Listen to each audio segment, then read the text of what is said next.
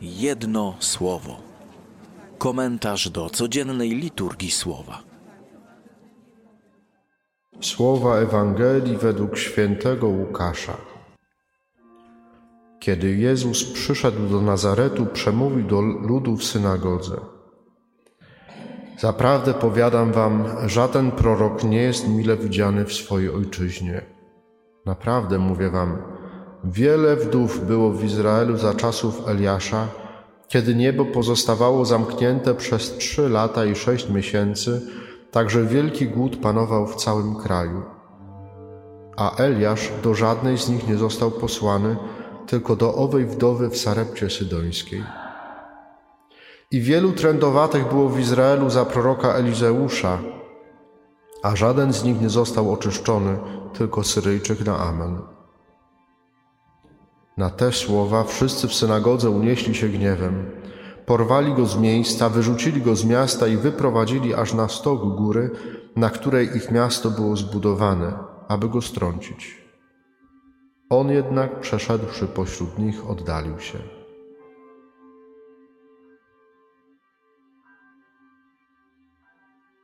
Jedno słowo. Jak otworzyłem dzisiejszą liturgię słowa, to y, jakoś takie miałem skojarzenie z żywopłotem, który rośnie w pobliżu mojego domu rodzinnego. Od kiedy tylko pamiętam. Jak byłem mały, to żeśmy w tym żywopłocie się chowali, to było takie miejsce naszych kryjówek.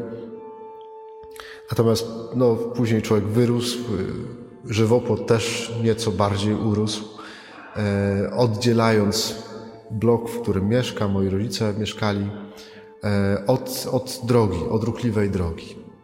I rzeczywiście dosyć dobrze ten żywopłot przez długie lata e, tę swoją funkcję, e, tą jako bariery takiej przed hałasem, przed spalinami pełnił. Kiedy żywopłot jest mały, to jego pędy są giętkie i rzadkie.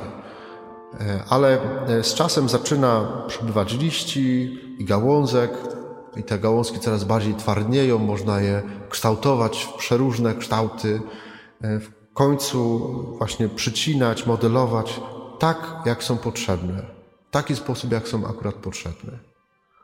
I doskonale znamy te obrazy tych takich różnych labiryntów w, w ogrodach, które są stworzone właśnie właściwie tylko z żywopłotu.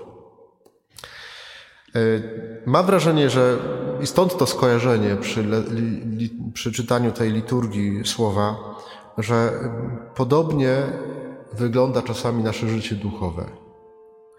Że bojąc się nagości przed Panem Bogiem, takiej przeźroczystości, zaczynamy w naszym życiu sadzić różne żywopłoty, za którymi chcemy się schować. I to mogą być takie żywopłoty różnych zasad, tradycji, przepisów, obowiązków, zwyczajów, nawyków.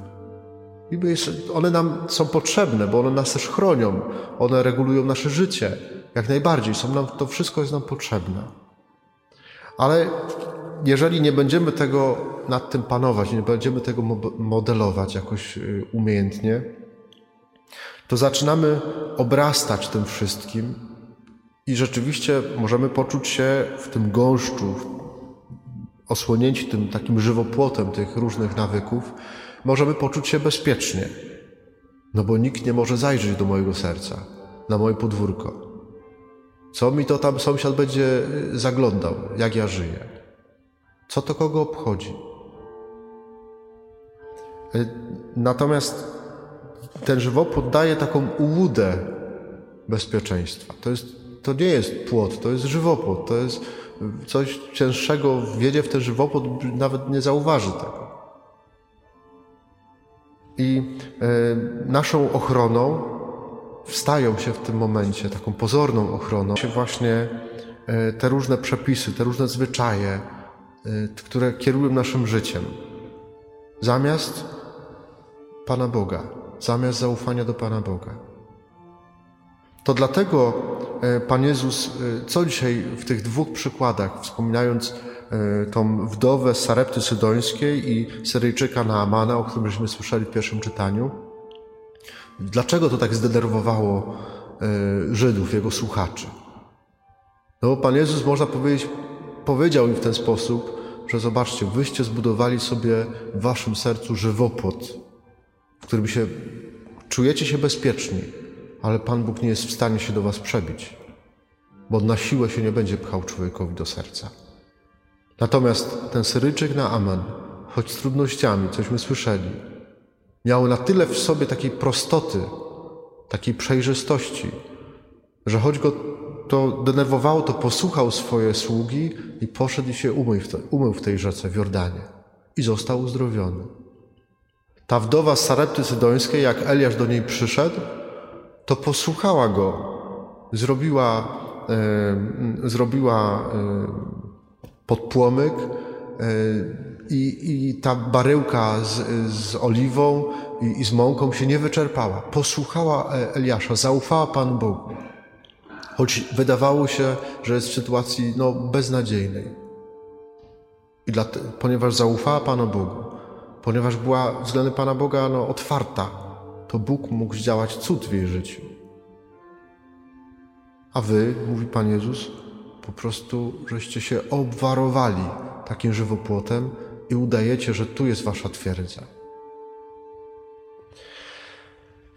Żywopłot różnych przepisów i tradycji może rzeczywiście dawać pozory takiej, takiej, takiego bezpieczeństwa. Pozory. Ale czas Wielkiego Postu to jest, i chyba dlatego mamy to y, takie czytania dzisiaj, to jest czas wyrywania żywopłotów z naszego serca. Wyrywania tego wszystkiego, co nam przeszkadza y, w zaufaniu, w stawaniu w zaufaniu przed Panem Bogiem. Bo czas Wielkiego Postu ma nas nauczyć tego, że to nie ten żywopłot, w cudzysłowie żywopłot, ma być gwarancją naszego poczucia bezpieczeństwa, ale Bóg Ojciec, który troszczy się o swoje dziecko każdego dnia, od rana, od samego rana aż do końca. Jedno słowo na dzisiaj, które proponuję do, do tego, żebyśmy jakoś nad nim troszeczkę z nim pochodzili, to słowo żywopłot żebyśmy się przyjrzeli, czy w naszym życiu e, takich różnych żywopłotów czasem nie sadzimy. E, I, i prośmy dzisiaj, żeby Pan Bóg dał nam taką siłę do wyjścia za tego żywopłotu, może do wyrwania te, tych, tych żywopłotów, po to, żeby zaufać Panu Bogu w różnych trudnych sytuacjach. Kiedy się chcemy schować za, e, za, za różnymi właśnie tradycjami, bo zawsze tak było, bo przecież co ja będę zmieniać jeszcze w moim życiu. Kiedy mamy taką pokusę właśnie schować się za tymi żywopłotami, to prośmy dzisiaj Pana Jezusa o dar takiego zaufania, tego, że Bóg wie, co robi, że Bóg się nami opiekuje. Amen.